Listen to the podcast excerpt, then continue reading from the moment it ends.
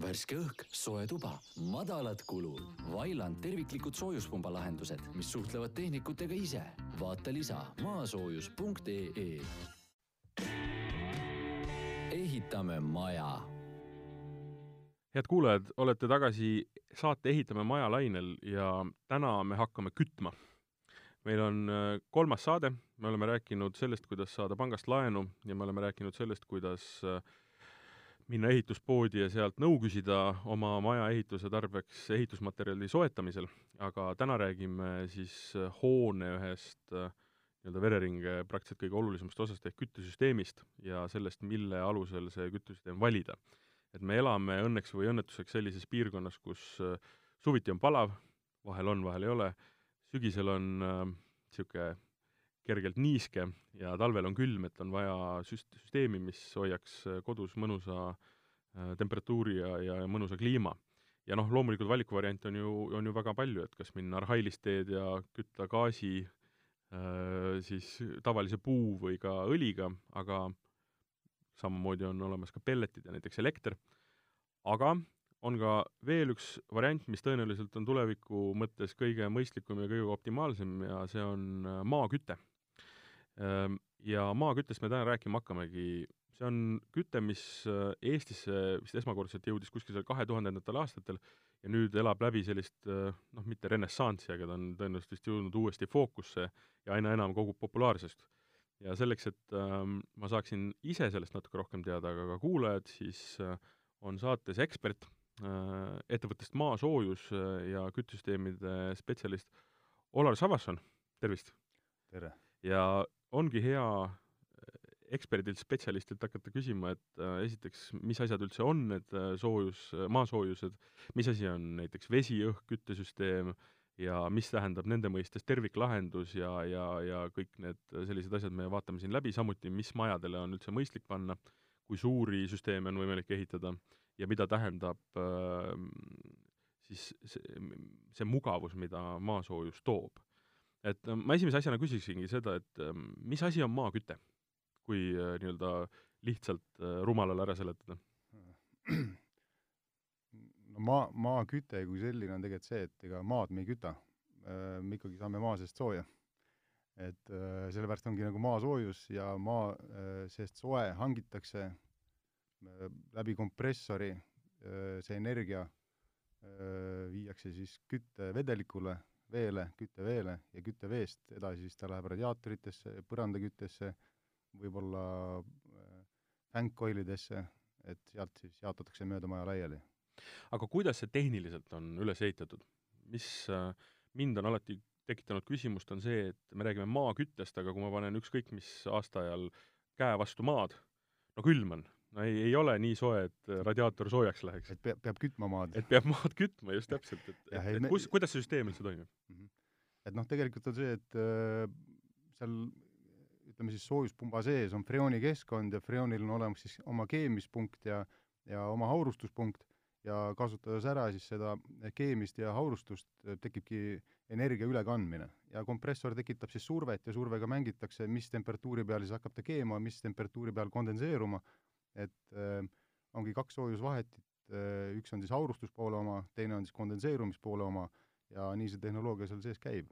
et äh, tänapäeval proovitakse lihtsalt võimalikult efektiivseks ajada see veel, et äh, saaks võimalikult head kompressorid panna, võimalikult täpseks ajada siis äh, soojusvahetite võimsused võrreldes kompressoriga, et mida efektiivsemalt see kõik koos töötab, seda parem on ja ilmselgelt äh, peab olema kaks poolt siis, et üks pool siis, mis kandib siis, mitte ei kandi, vaid äh, transpordib äh, maa seest üles soojenenud lahuse soojuspumpa, et energia hankimise tsirkulatsioonipump ja teine pool siis, mis siis viib toodetud soojuse maja peal laiali, ehk siis tsirkulatsioonipump kütte poolele. aga ütleme, kui me läheme algusse ehk selle sooja hankimise juurde, siis milline on see konstruktsioon, mis sinna, noh, kuna me räägime maaküttest, siis ja. see tähendab seda, et maa sisse pannakse üks konstruktsioon, mis peaks hakkama siis sealt võtma seda, seda soojust. just, väga õige. seda nimetatakse siis maakollektoriks, ehk ta siis kogub, ütleme, tehnoloogia näeb välja nii, et kaevatakse kraav, sinna sisse pannakse plastiktoru, plastiktoru sees voolab piiritus, või piirituslahus õigemini, ja siis see ongi see transportiv aine, mis energiat transpordib.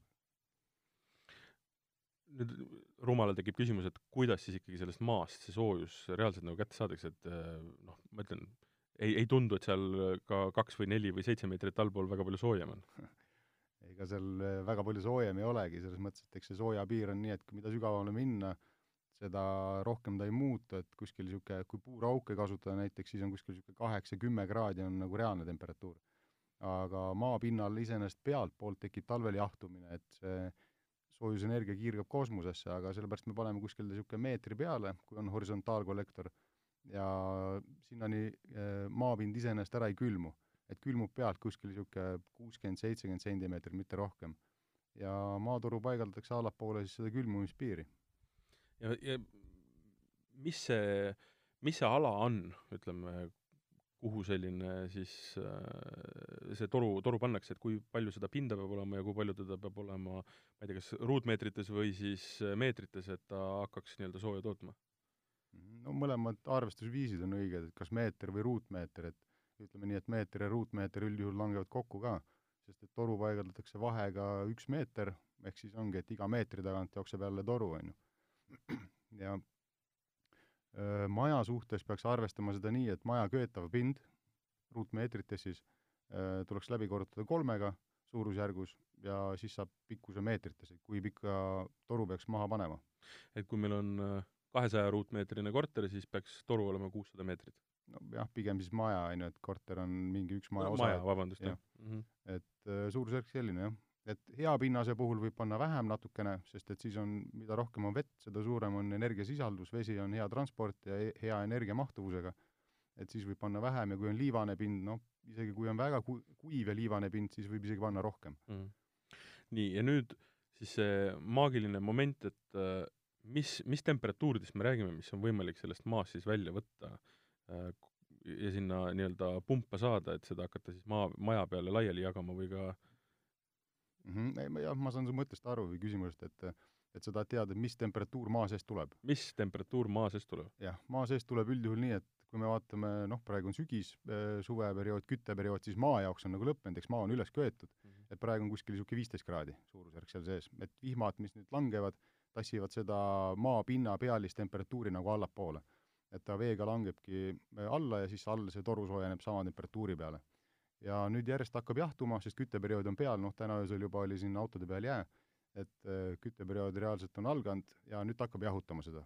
ja kui ta nüüd jahutab, ütleme, et sinna märtsikuuni maha seda äh, üsna aktiivselt, eks, et siis see temperatuur märtsikuu jaoks peaks olema selliselt, et umbes null kraadi tuleb sisse. et ta suudab nagu talve jooksul selle siis äh, jahutada maha null kraadini mm. -hmm. ja kohati võib ka minna sinna miinus kolm, miinus neli, miinus viis, et ikka toimib ja näiteks Vaillant soojuspumbad lasevad selle isegi miinus neljateistkümneni maha jahutada. aga noh, kui väga maha jahutada, siis jällegi soojuspumba kasutegur, millest kõik räägivad, see COP, et see langeb siis.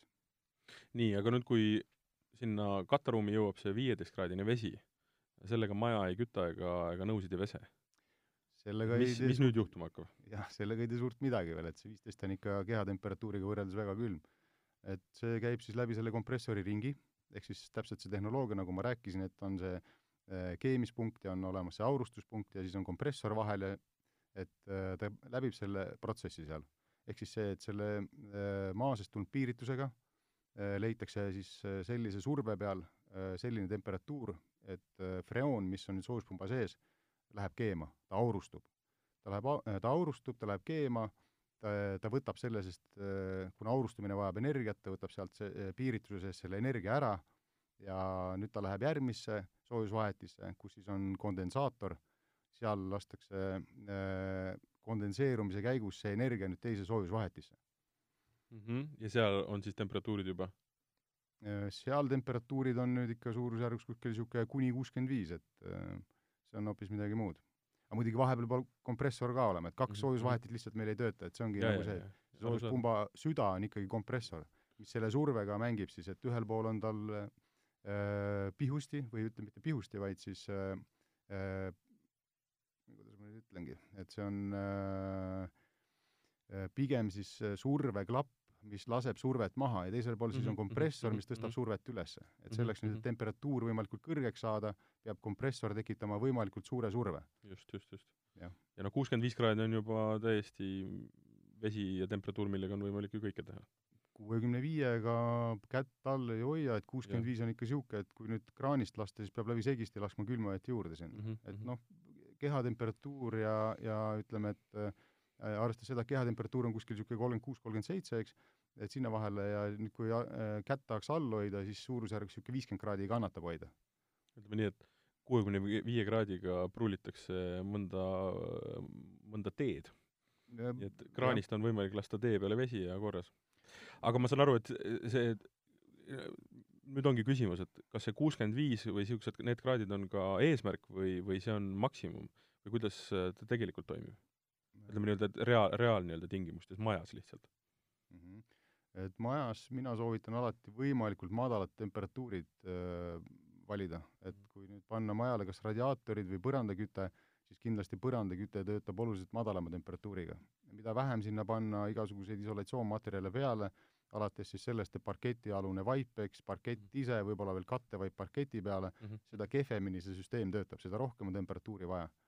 Et äh, võimalikult äh, hea küttelahendus eeldab seda, et seal on kuskil niisugune noh, toatemperatuur soovitud üldjuhul on kuskil niisugune kakskümmend kaks, kakskümmend kolm ja tegelikult kütta me võiks siis ka, ütleme, võib-olla viis-kuus kraadi kõrgema temperatuuriga, siis oleks ideaalne. sellesse on võetud arvesse ka kaod ja siis saamegi selle nii-öelda klassikalise kakskümmend kaks kraadi, kakskümmend kolm kraadi, mis on elatav. Jah, et noh, mõni inimene soovib rohkem kui kakskümmend kaks kraadi, eks, et eks ta siis peab temperatuuri tõstma, aga iga eh, lisatud kraad eh, eeldab ka mingit suuremat soojuskulu, sest et temperatuur sise- ja välistemperatuuri vahel on suurem või see vahe, eks, ja siis maja jahtub ka nagu aktiivsemalt.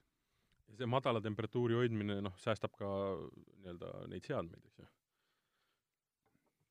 jaa, et kui äh, kui nüüd vaadata selle järgi, et mida kõrgem on tem-, soovitud temperatuur, mis kompressorist või siis ütleme, et soojusvahetist väljub, seda suurem peab olema ka surve.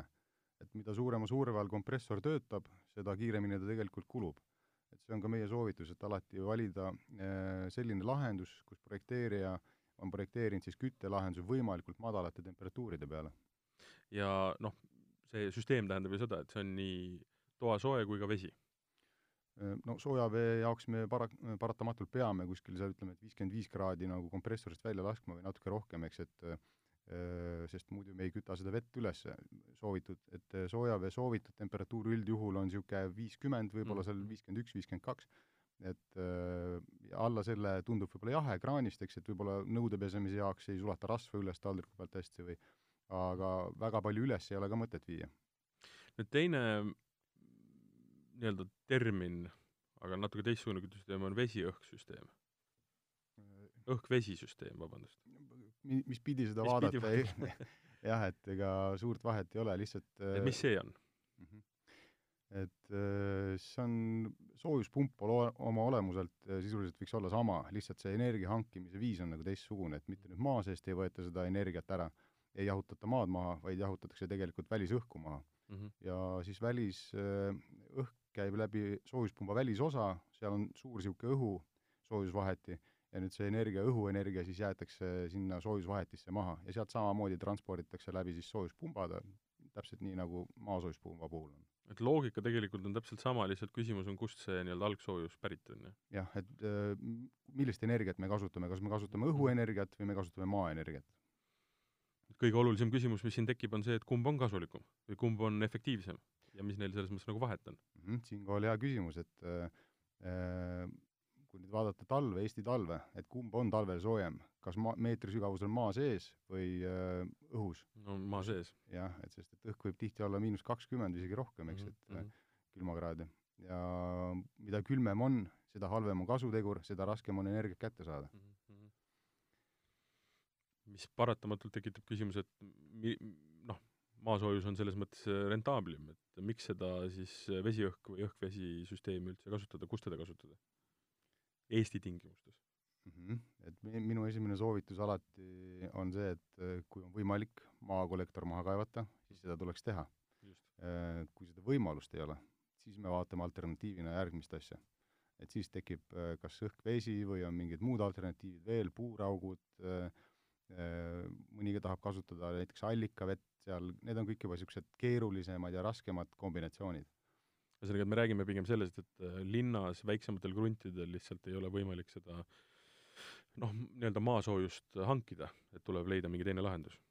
jah, just, et krunt peaks võimaldama maakollektorit kaevata äh, Äh, kahte moodi siis, eks, et pinna suhtes, et annab välja, ja teine ka siis see, et äh, paljud, ütleme, kohad on, kus äh, lihtsalt ei ole võimalik kaevata, et kas seal on, kivi on kohe vastas, on ta liiga soine, et noh, kui liiga soine on, siis on ainuke probleem võib olla see, et et peaasi, et traktor saaks peale sõita või ekskavaator siis. et kui ekskavaator saab peale sõita, siis saab kaevata juba. ja kui on nii vesine pind, et ei saa sõita, siis on probleem, ja kui on kivine pind, siis on probleem ja kui on, ütleme, et väike krunt ja hästi-hästi liivane ja kuiv, noh siis tasub kaaluda, et kas äh, panna õhk-vesi või maasoojus sinna sisse kaevata, et me enne saateväliselt äh, ma küsisin seda, et äh, millal esimesed maakütted Eestisse tulid ja et see on, oli kunagi kahe tuhandete, kahe tuhandete alguses. ehk et see on niisugune kahekümne, kahekümneaastane lugu Eestis juba, et, et kui populaarne see maaküte ja ka õhk, õhk-vesi küte on Eestis praegu? ja kui palju, palju seda nagu installeeritakse ja, ja kasutatakse. Ma ise tahaks loota, et juba valdavalt enamuses, aga võib-olla on nagu siis alternatiivid veel on see pellet jäänud, eks, ja, ja paljud panevad siis nagu otse seda kas kaminalahendust või, või otse puutahju, et ilma veeta üldse. aga ikkagi soojuspump on valdav.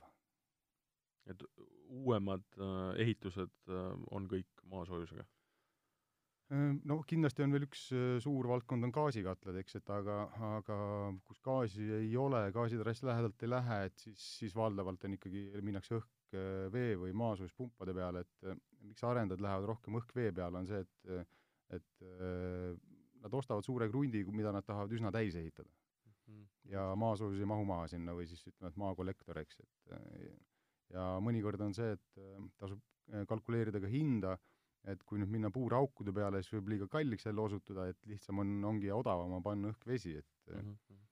aga ütleme, et neid erinevaid kombinatsioone tehakse äh, üsna palju ja isegi pannakse ka niimoodi, et kui on kaugküte, siis pannakse ka näiteks soojuspumbad juurde sinna juba, et et hoida siis niisugune äh, peamine koormus nagu näiteks maasoojusel ja kaugküte siis katab tipud või, või õhk-vesi hoiab peamise koormuse enda peal ja kaugküte katab tipud, et ja, ja siit on ka hea mul järgmise küsimuse juurde minna, et oligi, et noh, võib ju tekkida küsimus maaküttega ongi see, et noh, et mul on maas see äh,, need torud nüüd olemas, aga õues on kolmkümmend miinuskraadi juba nädal aega, aga tuba on ikka soe, et siis noh, et paljudel tekib see küsimus, et et kas seal tekivad need lõtkud sisse, mis tähendab seda, et oleks vaja mingi kompensatsioonimehhanism sinna panna, et et tegelikult ju nii-öelda need küttesüsteemid on sellised, et noh, tuba ei jahtu ka kõige, kõige nii-öelda külmemal ajal mm. -hmm. sa pead nüüd silmas seda, et kas äh, maakollektorile panna mingid äh, kompensatsioonid või? ei, kogu majale lihtsalt samamoodi, et kas kaugküte igaks juhuks sisse tuua või gaas igaks juhuks sisse tuua või panna mõned kaminad lisa, mitte kaminad kui ah, ilu okay. pärast, vaid kaminad kui, kui kütteelemendid. et mingi noh, et, et, et see on kindlasti üks äh, nendest äh, nagu äh, noh, mõtetest või, või tunnetest, mis inimestel on, et noh, et, et kui sa võtad maa sees sooja, talvel on külm, siis järelikult on kodu külm lükkaks selle kohe ümber, et see päris nii ei ole, eks ju. ei, päris siin kindlasti ei ole, et ikkagi maasoojus on nagu põhiküte, et ta ei ole nagu alternatiiv.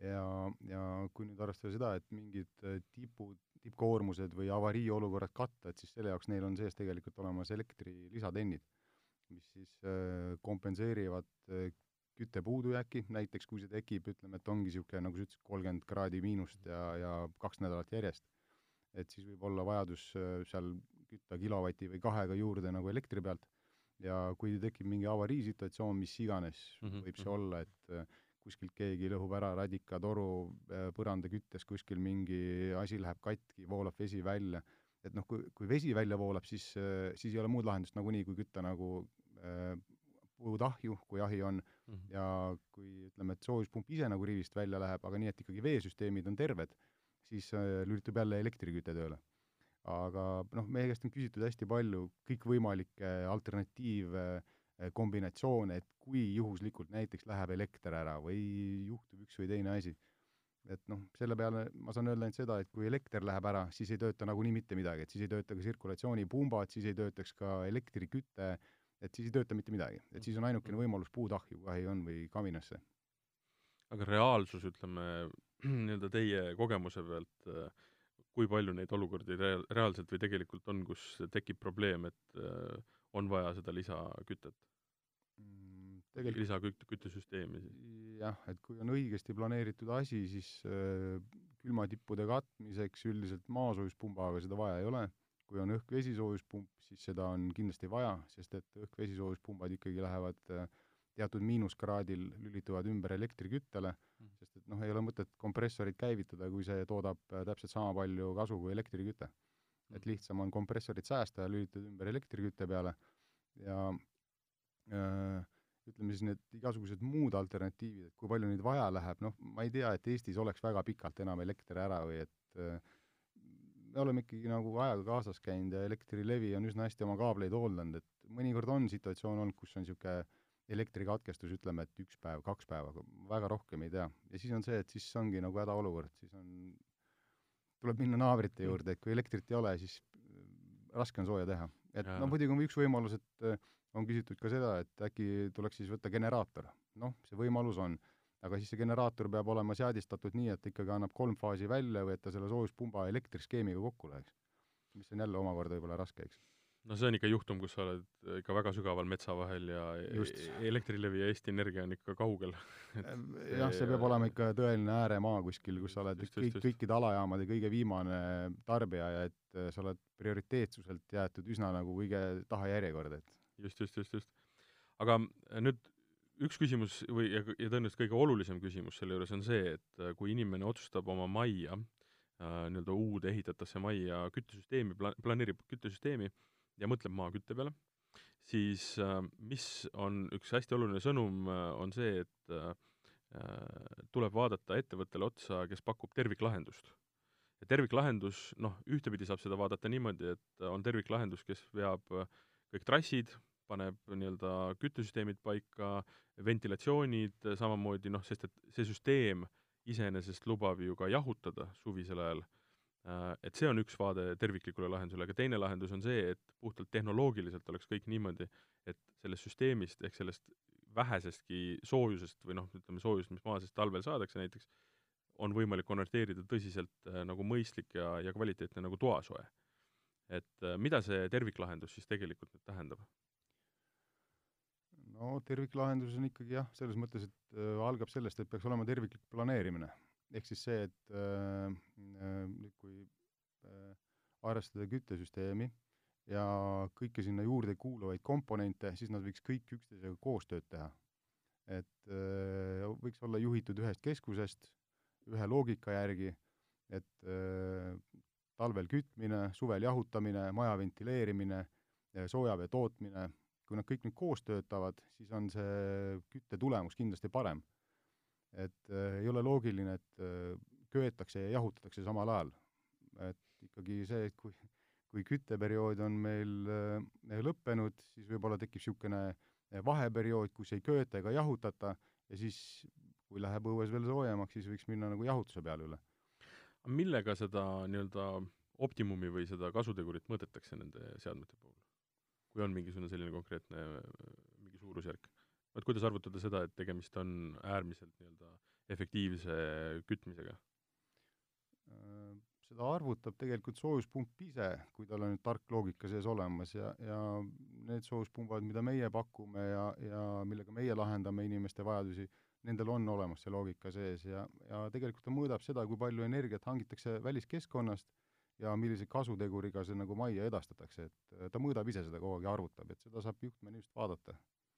Aga ütleme, jälle, jälle üks asi, mida me enne saadet nagu arutasime, on see, et need esimese generatsiooni nii-öelda, esimese generatsiooni süsteemid, mis seal kahe tuhandendate alguses ja keskpaigas ja ja siis pandi eh, majadesse, et eh, seal võis juhtuda, et nii-öelda see paigaldaja ei olnud kõige targem või noh, süsteem ei mõeldud niimoodi läbi et mis, mis need põhiprobleemid on, mis tekitab, kui, kui võtta nii-öelda noh, ma ei taha kedagi nagu halvustada, aga ütleme niimoodi nurgatagune paigaldaja või lihtsalt äh, diletant.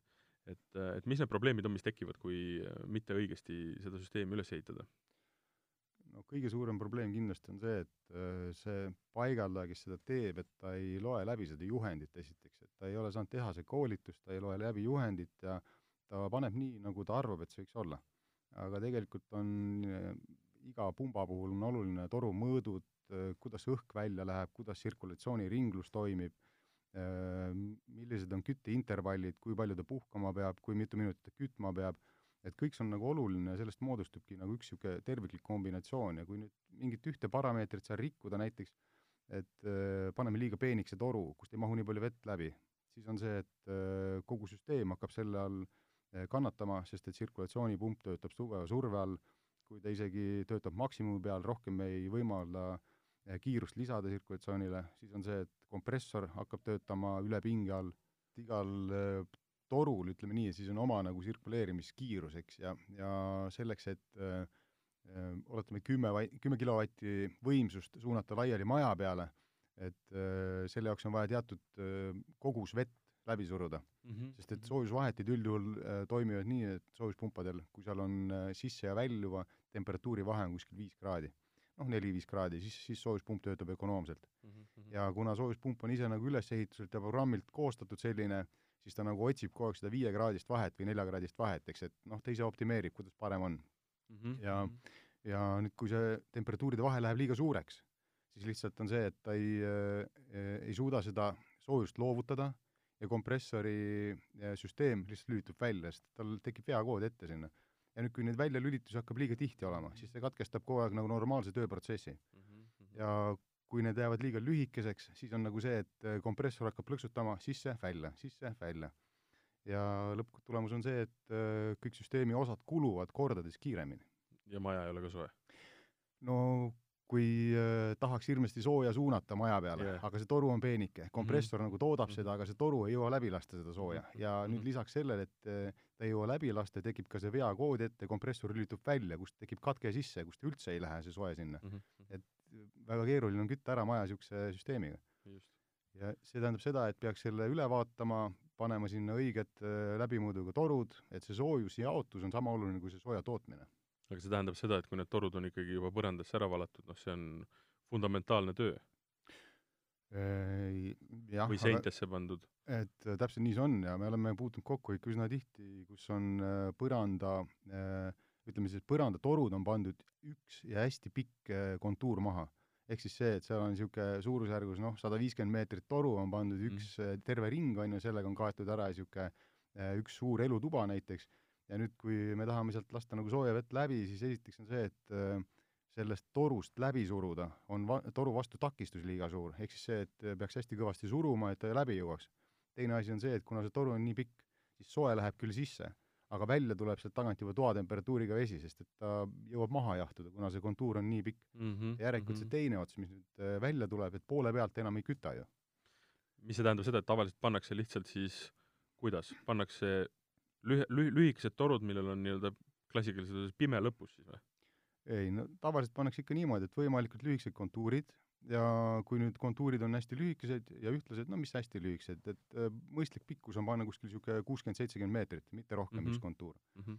ja kui nad on võimalikult ühtlased, siis käib igalt poolt äh, ühtlaselt ka vesi läbi mm. -hmm. et kui nüüd üks kontuur on sada viiskümmend meetrit ja teine on kümme meetrit, nagu pandi, et teeme elutoa ühe kontuuriga, WC teise kontuuriga, WC on kaks ruutmeetrit, elutuba on nelikümmend ruutmeetrit, noh siis see ei ole lihtsalt loogiline, et et WC põrandale ei saa jalga panna, kuna on nii kuum ja ja siis äh, suures toas jäätub, jäätub klaasis vesi põrandal ära nii-öelda.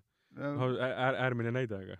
äh, jah, eks ta nii on, eriti muidugi jäetakse arvestamata siis kõik niisugused äh, välisseinad, välisakna alused äh,, kus on väga oluline just panna tihedama sammuga see kontuur maha ja, ja võib-olla isegi eraldi kontuurid sinna viia, et et võimalikult lihtsalt vesi läbi voolaks, tal oleks võimalikult lihtne kütta seda piirkonda. kuna seal on noh, lihtsalt külma, külma, külma on rohkem?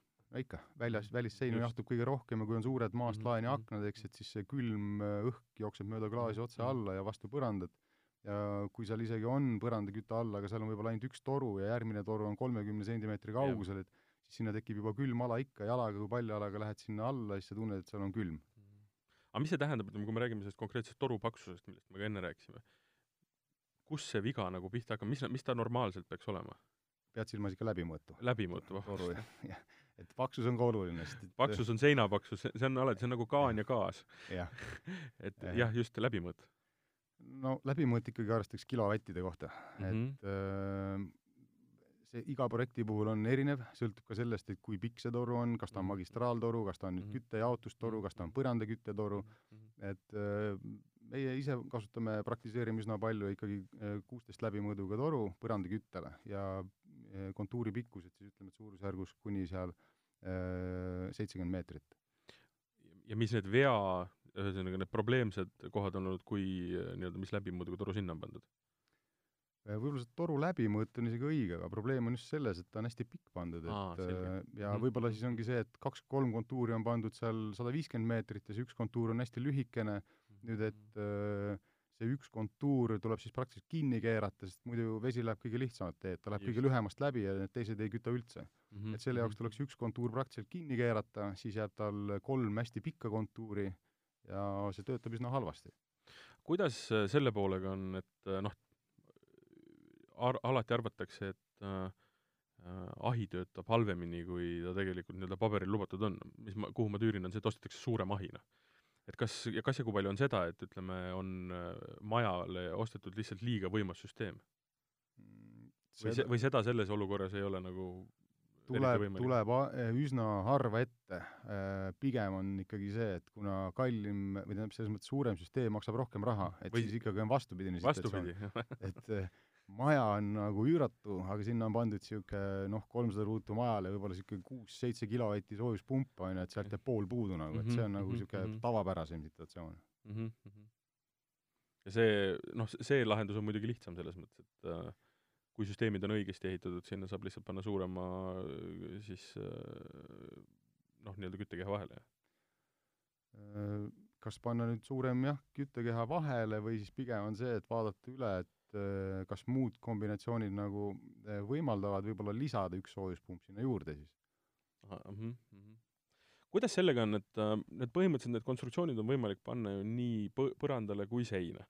et äh, noh, seina, põrandale tundub nagu loogiline. kuidas see on, kui palju nendest seina pannakse ja, ja mis, kuidas sellega nii-öelda olukord on? seina on üsna keeruline panna selles suhtes, et seina äh, ütleme, et see, need järelkatted või, või see konstruktsioon, kuidas see välja näeb, on nagu raskem teha. et lihtsam tundub ikkagi põrandasse panna, sest et põrandat tuleb nagunii valada, eks. et Mm. kui, kui me teeme nagu betoonpõrandat. ja üldjuhul on nii, et äh, pannakse isolatsioon maha, isolatsiooni peale pannakse siis armatuurvõrk, põrandakütte paigaldame sinna peale ja see kaetakse betooniga üle siis ja põrandatoru võiks olla, ütleme, betooni pealist pinnast kuskil niisugune kolm, kolm sentimeetrit suurusjärgus, kolm-neli sentimeetrit. Et siis ta kütab hästi veel. ja see põrandaküte pannakse ju kogu majale siis või noh, vaja, nii-öelda kütmist vajavale Ja- pinnale ja, mina soovitan alati nii, jah. ja kõikidele korrustele. tihti teisele korrusele ei taheta panna, sest et ehitatakse puitkarkass vahelagi, Just, eks, et siis tundub, et just, mass läheb liiga suureks, äkki maja hakkab vajuma kuskilt äh, keskelt kokku sealt, on ju, ja siis aga reaalsus on? aga reaalsus on selline, et on olemas tehnoloogiad, mis võimaldavad ka teisele korrusele panna, paljud inimesed panevad, kasutavad natukene kergemat materjali, on äh, kipsbetooni valu, see on, kipsi sisaldus on üsna suur seal, kips on palju kergem, kestab täpselt sama hästi, jaotab sooja täpselt sama hästi, siis on võimalus veel ka erikõva selle põranda kipsiga katta, et äh, lahendused on olemas ja, ja kasutatakse neid ka üsna palju täna juba. Aga see lause, et enamasti ei taheta panna või ma ei, ma ei, ma ei tea, kas seal enamasti oli, aga ütleme, et ei taheta panna, tuleneb sellest, et noh, ütleme, õhu- ja soojustsirkulatsioon majas on niikuinii loomulik eh, so- soojus üles. ehk et ta on tegelikult juba okei okay. või, või, või saan su mõttest aru, või, ei olda et, äh, harjutud selle mõttega, et teine korrus ka panna? pigem on see, et arvatakse, et äh, kui panna teisele korrusele ka põrandaküte, et siis läheb projekt nagu hirmus kalliks. mina ütlen seda, et teisele korrusele mingit kütet on ikka vaja, sest et väga külmade ilmadega katusepind jahtub oluliselt rohkem, esiteks, kui see ei ole nagu täiskorrus, eks. Kui on täiskorrus, siis on võib-olla äh, lihtsam äh, panna ka põrandakütet maha, sest üldjuhul täiskorrusega majad tehakse ka juba võib-olla suuremate vahelagedega, paksematega ja nii edasi mm. -hmm. aga just äh, tasub jälgida seda, et kas nüüd lahendada radiaatoritega teine korrus või põrandaküttega. hind üldjuhul väga palju ei erine, võib-olla erineb ainult sellest hind, et äh, kui põrandaküte paigaldada, siis tuleks ka üldehitustöösid natukene lisada sinna, et see üldehitustööde järk võib-olla läheb kallimaks. Mhm. aga ilmselgelt põrandaküte on parem, ta on mugavam, ta ei jää näha, ta ei kogu tolmu, ta on selles mõttes, et lihtsasti juhitav, lihtsasti kasutatav ja hommikul ärkad magamistoas teisel korrusel, sa astud, sul on põrand ikkagi soe kohe mm. -hmm. teine alternatiiv on siis see, et pannakse radiaatorid seinte äärde, aga madalatemperatuurilised. ehk siis see, et ta peaks praktiliselt esimese korruse põranda küttetemperatuuriga olema sama.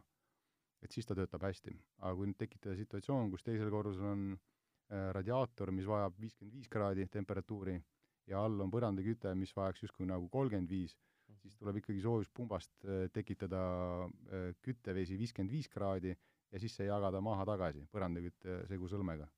et soojuspumba kasutegur kannatab selle all päris tugevalt mm. -hmm. mõte on ju võimalikult ikkagi madala temperatuuriga see vesi sealt äh, nii-öelda ära jagada, mitte, mitte teda väga kõrgele kütta. et kõ-, kasutegurit on lihtne hinnata selle järgi, et milline on väliskeskkonna temperatuuri ja, ja küttevee temperatuuri vahe mm. -hmm. mida suuremaks see vahe läheb, seda raskem on seda toota, seda halvem on kasutegur. et kui me vaatame maasoojust, kus on äh, sügisel, ütleme, et äh, õuest tuleb viisteist kraadi, me tahame tuppa põrandasse saada kakskümmend viis kraadi, siis sisuliselt vahe on kümme kraadi, eks.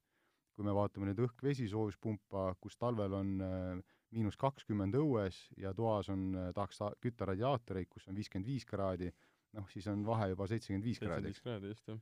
jah, et see, seega siis kümne pealt seitsmekümne viie peale liigume, et see on nagu kasutegur täpselt samamoodi kannatab, et noh, uue maja ehitusel on sisuliselt lihtne, et äh, ega selles mõttes ju soojus äh, süsteemi või nii-öelda selle küttesüsteemi väljaarendamine on ju täpselt sama, et ega seal ju palju ei erine, küsimus on lihtsalt selles, et et see soojus nii-öelda, soojusandja on, on noh, puul, puu puhul on sul lihtsalt üks katel, kuhu sa loobid puud sisse, nüüd maakütte puhul on lihtsalt natuke teistsugune see. aga kuidas on vanemate majadega? ütleme, majadega, kus on küttesüsteem juba olemas, kus nagu noh, noh, on olemaski radiaatorid, on olemas noh, põrandaküte tavaliselt on pandud elektriga, ütleme, ainult vannitubadesse, eks ju. et kas vanemas majas on mõistlik nagu jätkata sama asjaga või ikkagi kui on maakütte huvi, siis ikka panna põrandaküte? Või kuidas neid tavaliselt tehakse? jah, tehakse nii ja naa, et äh, paljud ei taha nagu seda tööd ette võtta, et kõik põrandad üles lõhkuda, see tundub nagu üsna niisugune koormav ja ja kindlasti kulukas ka et pigem lahendatakse ikkagi vanad majad nagu radiaatoritega, et saaks mingi niisuguse, võib-olla ta ei ole nii säästlik, aga tundub nagu vähem üldehitustööd teha. et võtta kõik põrandaviimistlus, alustalad, kõik asjad lahti, et hakata sinna ehitama eh,, päris palju üldehitustööd. Ja just on see, et isegi kui tahaks nagu põrandat tõsta või panna põranda peale, siis jällegi ukseavad, trepid mm -hmm. nihkuvad paigast ära, et sellepärast nagu ei, ei kannata väga teha. aga ütleme, mõistlik on ta võrreldes muuküttega ka siis, kui on nii-öelda seinaradiaatorid? Jaa, kindlasti, sest et ega ka seinaradiaatorid saab panna ju võimalikult suured, et temperatuur oleks võimalikult madal. Ja isegi kui see külmaperioodil ta surub sinna, ütleme sisse niisugune nelikümmend viis, viiskümmend kraadi, et äh, elab üle. üldjuhul ta ikkagi, kui on suur radiaator korralik ja, ja majal on ikkagi investeeritud natuke isolatsiooni ka, et noh, siis ta kuskil niisugune kolmkümmend viis, nelikümmend kraadi temperatuuri peal peaks päris hästi sooja välja andma. mis tähendab seda, et konverteerida see tuppa, siis me saame täitsa elatava, elatava temperatuuri? Jah, noh, et eks see aastane kasutegur siis või siis äh, kogu aasta peale kokku niisugune keskmine kasutegur natuke kannatab võrreldes põrandaküttega, aga, aga võrreldes elektriküttega või muu alternatiiviga on see kütteenergia ikkagi üsna odav. Kui rääkida nende süsteemide keerukusest või sellest, et milliseid asju on võimalik üldse nii-öelda majja panna, siis äh, milline on, ütleme, kui järjekordselt, et ma ehitan uut maja, võib-olla kahesaja ruutmeetrine klassikaline nii-öelda ühe pere elamu, et siis mis süsteemi te sinna pakuksite? kui ma tulen kliendina, ütlen, et mul oleks vaja maja, majja küte mm, -hmm. tahaks suvel ka, et oleks mõistlik äh, nii-öelda jahutus ma ei tea, ventilatsioon, et mis, mis see on, millest me juttu alustame, et mida te pakute no.? mis oleks kõige optimaalsem ja mõistlikum? jah, noh kõigepealt ikkagi tuleks läbi käia needsamad, mis me rääkinud oleme, et eh, kuidas küte jaotada mm, -hmm. millised on siis energia hankimise viisid, ventilatsioon kindlasti uus kaasaegne soojusvahetiga ja et kas jahutus panna või mitte panna, noh, see sõltub üsna palju klientidest, et mõni ütleb, et suve, suve on Eestis nii vähe, et pigem ma kannatan ära see, isegi kui toas kolmkümmend kraadi on noh, mina endale paneks jahutuse mm. -hmm. aga üldjuhul me algame, alustame ikkagi sellest, et äh, vaatame üle siis maja põhiprojekti, kuidas see kompleksselt lahendada, ehk siis kui paljudesse ruumidesse saab põrandakütte panna, kas on mingeid tõrkeid, et ei saa panna, miks ei saa, üldjuhul kui on uus maja, siis kannatab kindlasti kõik mõlemad korrused panna põrandaküttega, lahendame ära siis selle, et kas soojus hangitakse õhust või hangitakse maast. Mm, -hmm.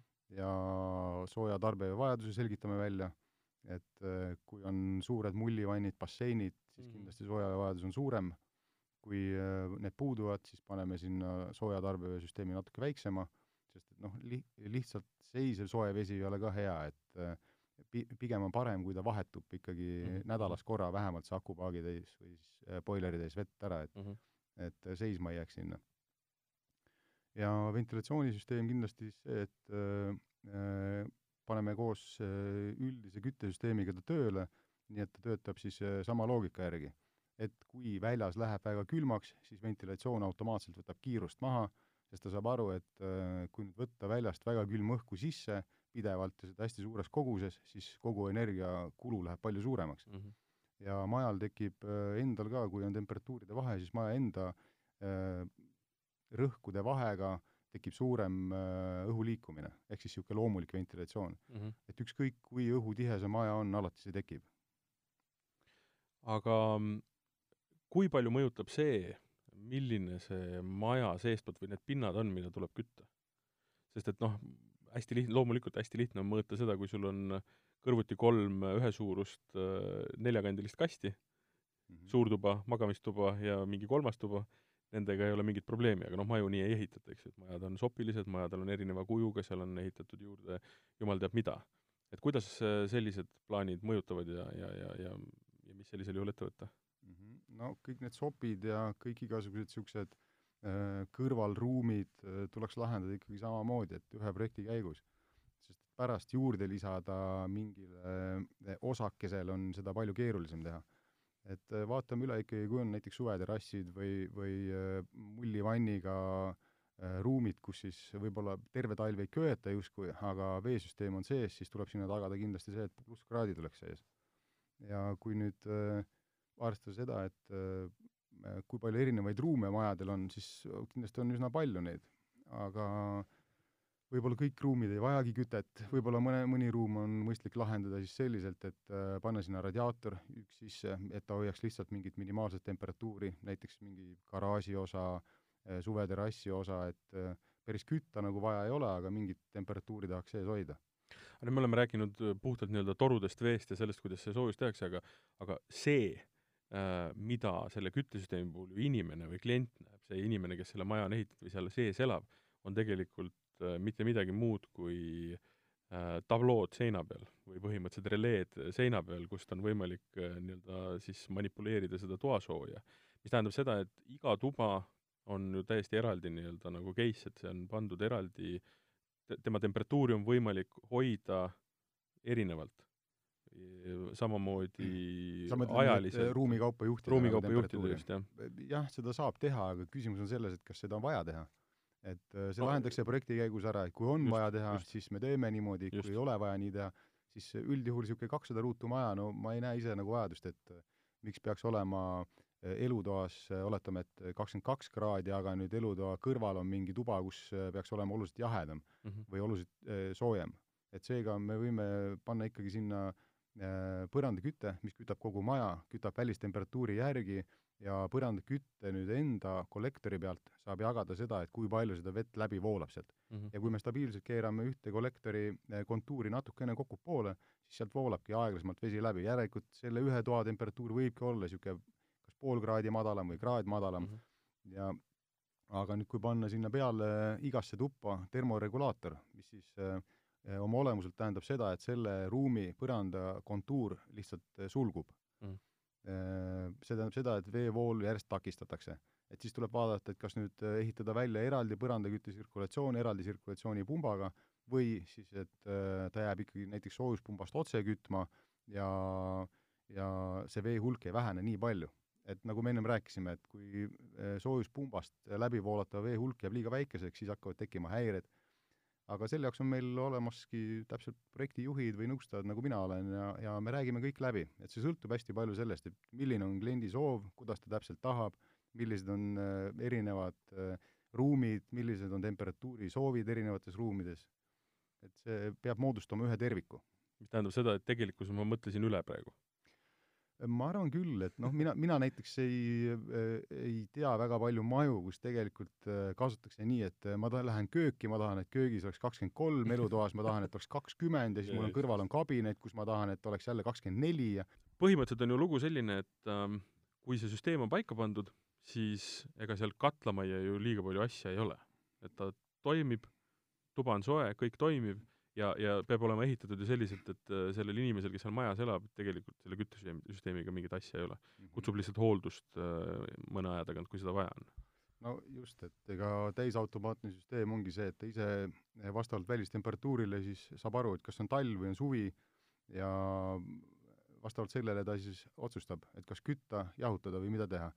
ja alati prioriteet on soojatarbe või tootmine ehk siis ükskõik, kas on väljas suvi või talv, kas ta kütab või jahutab, soojuspump, soe vesi toodetakse alati esmajärjekorras, ehk siis ta arvestab inimese mugavust, arvest-, arvestab välistemperatuuri ja noh, ma ei tea, mis sinna väga palju asju on, et mõni võib-olla tahab muuta enda toa temperatuure, siis käib ja, natukene proovib dimensioneerida mm, -hmm. mina ise soovitan võimalikult vähe seal viibida, sest et äh, tihti tekib huvi midagi näppida ja siis on see, et võib-olla läheb vale num- äh,, mingi kombinatsioon sinna, et äh, on juhtunud niisuguseid asju, kus mm. inimesed lülitavad välja omal näiteks äh, soojavee sirkulatsiooni või, või siis küsivad, et miks mul kohe sooja vett kraanist ei tule, et mm -hmm. et kui see on välja lülitatud, siis ei tulegi. või siis on see, et äh, pannakse peale ööpäevaprogrammid, mis seadistatakse valesti, ja siis on see, et äh, ei saa täpselt aru, et üks päev nagu on soe, teine päev nagu ei ole soe, et mm -hmm.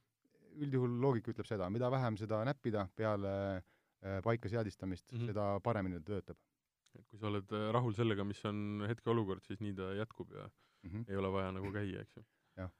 kui äh, nende süsteemide puhul nüüd hakata hinnast rääkima, siis äh, ütleme, noh, esimene küsimus on ju see, et kui palju ta on kallim nii-öelda niisugusest klassikalisest meile juba armsaks saanud äh, puukütteahjust ja sellest või, või ka gaasi ja elektri nii-öelda äh, siis süsteemist mm? -hmm äh, kallim ta on kindlasti, sellepärast komponente on rohkem, tehnoloogiat on rohkem ja, ja sõltuvalt nüüd sellest, et kas on õhk, vesi või maasoojus, eks, et äh, hinnad natukene erinevad, aga äh, peamiselt siis selle poolest, et äh, et võib-olla on nagu tootjate vahe ka üsna suur ja odavad õhk-vesi soojuspumbad tulevad ikkagi kuskilt äh, Aasia maadest, et äh, jah, ma ei oska nüüd, ei taha midagi head ega halba öelda, aga aga kui on vähem metalli kasutatud, siis mulle endale tundub, et see väga kaua nagu ei kesta. et äh, korralik asi on ikkagi see, kus toru paksus on nagu õige, ta kannatab mitu soojust, äh, ütleme, et siis soojustsüklit läbi, et äh, noh, on seda sada tuhat või viissada tuhat soojustsüklit, aga aga ta kestab, et välisosa õhk-vesi soojuspumbal näiteks ju äh, suvel läheb hästi kuumaks, kui on jahutamine, ja talvel läheb hästi külmaks, kui on kütmine, sest et ta töötab vastupidi ja, ja nüüd, kui kogu aeg see eh, kuumeneb, külmutatakse, kuumeneb, külmutatakse, siis eh, metall peab olema hea ja vastupidav ja kui see nüüd on õhukene või on äh, mitte kõige parema äh, tootja poolt valitud, siis, siis see võib lihtsalt oluliselt kiiremini laguneda äh,. Mis veel hinda mõjutavad kindlasti, on see, et kuidas siis pannakse kogu süsteem kokku, kui palju sinna pannakse reservi kui palju pannakse sinna kas vahepaake või erinevaid sõlmesid või et lihtsamad süsteemid tihtipeale on nagu töökindlamad isegi, aga peavad olema kindlasti õigesti kokku pandud. ja ma ei tea, kas hind ongi nagu kõige olulisem, pigem ma ise vaataks võib-olla seda, et kui kaua see asi kestab, et äh, lihtne näide on see, et kui ma maksan, oletame, süsteemi eest viis tuhat, aga see on kolme aasta pärast katki äh,, ma pean ostma uue viis tuhat, samasuguse või siis on see, et ma maksan süsteemi eest kümme tuhat, aga see töötab kolmkümmend aastat. et kumb siis odavam tuleb? ja noh, soojuspumpa nüüd ütleme, et valida puhtalt disaini või väliskaane pildi järgi, et seda ma kindlasti ei soovita. et tasuks süübida ikkagi sinna, et mida siis äh, terviklahendus nagu pakub, äh, kui kaua ta annab eluiga, millised garantiid on, et see hind ainult ei ole kindlasti näitaja hea süsteemi puhul.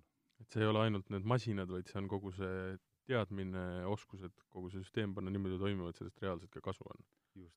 et äh, terviklahendus tähendabki seda, et äh, kütte jaotus, kütte hankimine, soojuspumbad ise, ventileerimine, et see kõik on nagu tervik.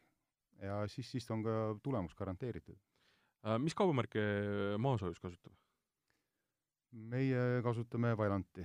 Vailant on sada nelikümmend aastat tootnud juba soojussüsteeme, algselt küll siis gaasikatlaid, tänaseks siis gaasikatlaid, soojuspumpasi ja ka uuemad tehnoloogiad on juba niisugused, mis veel ei, ei tööta, aga on absorbendid olemas ja, ja nii edasi, et aga nad arendavad hästi tugevasti. ja kvaliteet on väga hea, toodetakse kõik Kesk-Saksamaal, Euroopa turu jaoks ainult Saksa tooted, kannavad ka märki Made in Germany, mis tähendab seda, et kõik asjad peavad seal sees olema Saksas toodetud. aga nüüd üks asi on, ütleme, see hind ja paigaldus, teine asi ongi see vastupidavus mis sellise süsteemi, ütleme, vastupidavus on? me paneme selle nii-öelda made in Germany üle kogu maja, et mis aastatega me arvestame mm? -hmm. et see made in Germany üle kogu maja on nii, et äh, äh, on kindlasti mingid komponendid, mis võivad äh, kuluda ütleme, et suurusjärgus kümne aastaga mm. -hmm.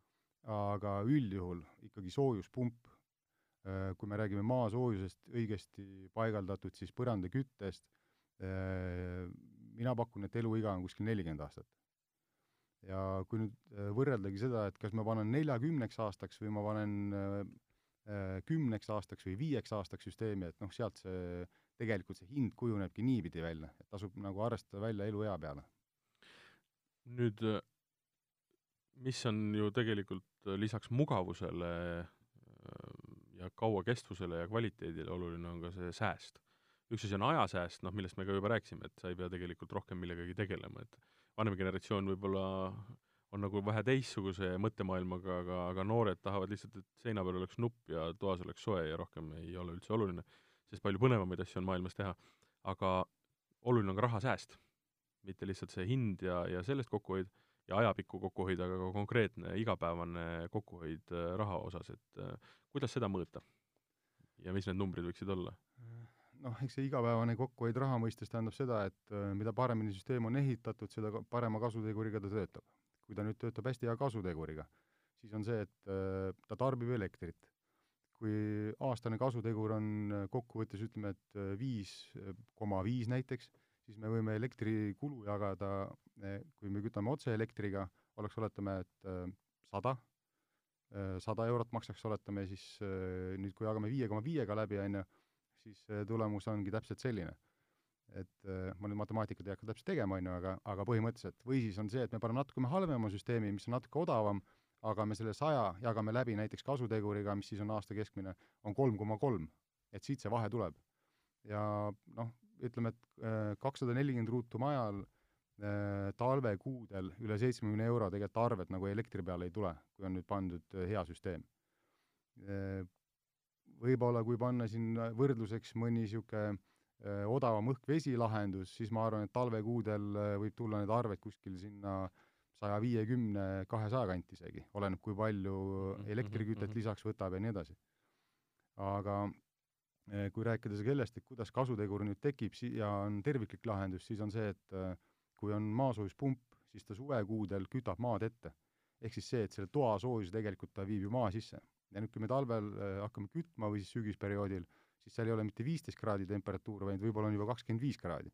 Mhm. nüüd kahekümne viie pealt kahekümne viie peale transportida, see kasutegur on kuskil seal seitse-kaheksa, millest me räägime mm. -hmm. et see on ka tervikliku lahendi üks siis äh, hea omadus, et ta ühtepidi kütab ette ja teistpidi võtab sealtsamast, kuhu ta selle on pannud mm. -hmm. ja kui nüüd rääkida ka sellest, et see ventilatsioonisüsteem on integreeritud samasse juhtplokki, siis on ka see, et äh, nagu ennem käis ka läbi äh,, kui nüüd ventilatsiooni vähendada, kui on väga külmad perioodid, siis tegelikult me hoiame selle arvelt jällegi lisaraha kokku mm. -hmm. et iga väike asi, mis on õigesti planeeritud äh,, lõpptulemusena annab äh, rahast tunda.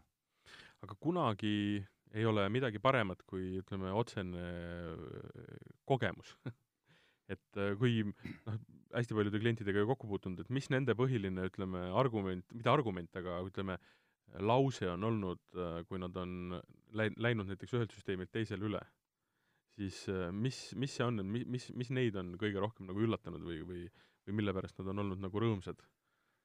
Noh, ütleme nii, et eks neid rõõmsaid kliente on olnud läbi aegade ikka üsna palju ja muidugi see, et kui on, kes siin läksid nüüd mingi aeg üle õlikatla pealt soojuspumba peale, no esiteks kadus ära hais kohe, õlihais oli üsna jube majas.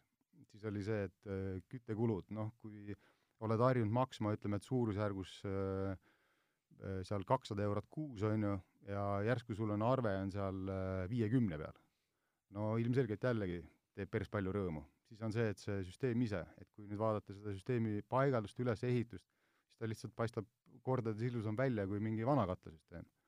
ja äh, lisaks see, et siis võtad äh, kontrollid oma maja temperatuuri äh, telefonist, sa saad muuta seda, lähed reisile, lülitad välja, enne tagasi tulemist paned uuesti küttesse tagasi äh,, kui sul on mingi tõrge, ei oska ise lahendada, helistad tehnikule, Äh, või siis on see, et kui on internetisüsteem äh, ühendatud, siis tehnik ise näeb ise seda, mis veakoodid ette tulevad, äh, kaugjuhtimine, kõik niisugused, ütleme, et ülimugavad asjad, mis tänapäeva inimesel vaja on, kõik on olemas nendel. et vanadel süsteemidel lihtsalt puuduvad need ja, ja võib-olla mõned inimesed ei tea unistadagi sellest.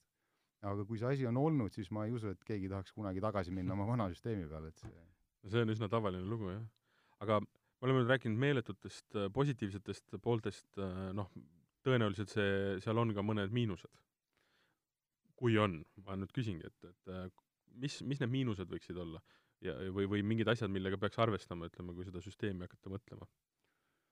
Mm, no miinuseid kui selliseid kindlasti on, et võib-olla on piirangud selle sama siis soojuspumba paigaldamisega, et kui ei ole näiteks maad just need, kes siis on äh, üsna tihedalt asustatud äh, kruntide peal, kus võib-olla maa on niimoodi maja ümber ainult viis meetrit, eks mm., seal on kindlasti see, et maakontuuri on raske panna, esiteks miinus, kui siis läheb õhk vee peale, siis see õhk-vesi võib talvel vajada näiteks seda, et käid ja pead lumi, lumelabidega lund ära lükkama sealt eest, kui on väga lumerohke aeg mm. -hmm. et ta on ikkagi väljas, ta on meelevaldselt looduse käes, kuidas loodus mm. toimib sellega, eh, võib puulehti sisse suruda sinna, siis mm. peab käima lihtsalt hooldama seda, et mm. et võib-olla nendel eh, no ma ei tea ühtegi teist küt-, eh, katlasüsteemi ega küttesüsteemi ka, kus seda tegema ei pea, võib-olla ainult elektriküte, eks, et kus on täiesti nagu murevaba mm. -hmm.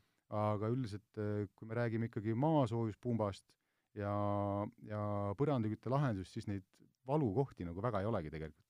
et on süsteeme, mis me oleme pannud paika Äh, siin viisteist aastat tagasi ja me ei ole kuulnud, ei ole näinud rohkem neid asju, et äh, isegi seda, et vahest hooldamas käia, on see, et äh, inimesed helistavad, ütlevad, kuule, mul ei ole nüüd kümme aastat keegi midagi teinud, et kas sa tuled, ma küsin, kas on vaja, ta ütleb, et ma ei tea, et äkki on vaja. no me saadame tehniku läbi, ta läheb vaatab, ütleb, et töötab nagu kellavärk, et jah, et seal võib-olla mingid väiksed setted on kogunenud kuskil, eks, ja mudafiltrid puhastab ära ja niisugused lihtsad asjad teeb ära vaatab seadistused üle, aga ega seal midagi teha nagu väga ei ole.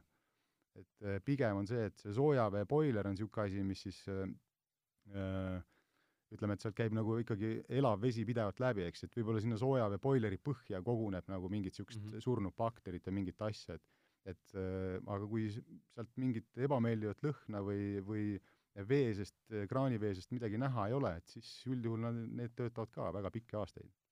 kui nüüd ähm, saadet kuulajatel inimestel tekkis plaan ja huvi äh, ikkagi üks korralik küttesüsteem omale panna, et siis äh, pole midagi muud teha, kui tuleb äh, tulla tee juurde ja hakata küsi-, küsida otse, ega seal vist muud keerulist ei olegi? no sellega on jah nii, et kui see plaan on olemas, siis tasub alati hästi varakult hakata pihta, et nagu praegu on meil sügis käes ja siis on kõik inimesed avastavad, et opa, aga mul on kütet vaja. siis, siis on nagu natuke hilja, et noh, hilja ei ole kunagi, öeldakse, on ju, et aga, aga lihtsalt järjekord on.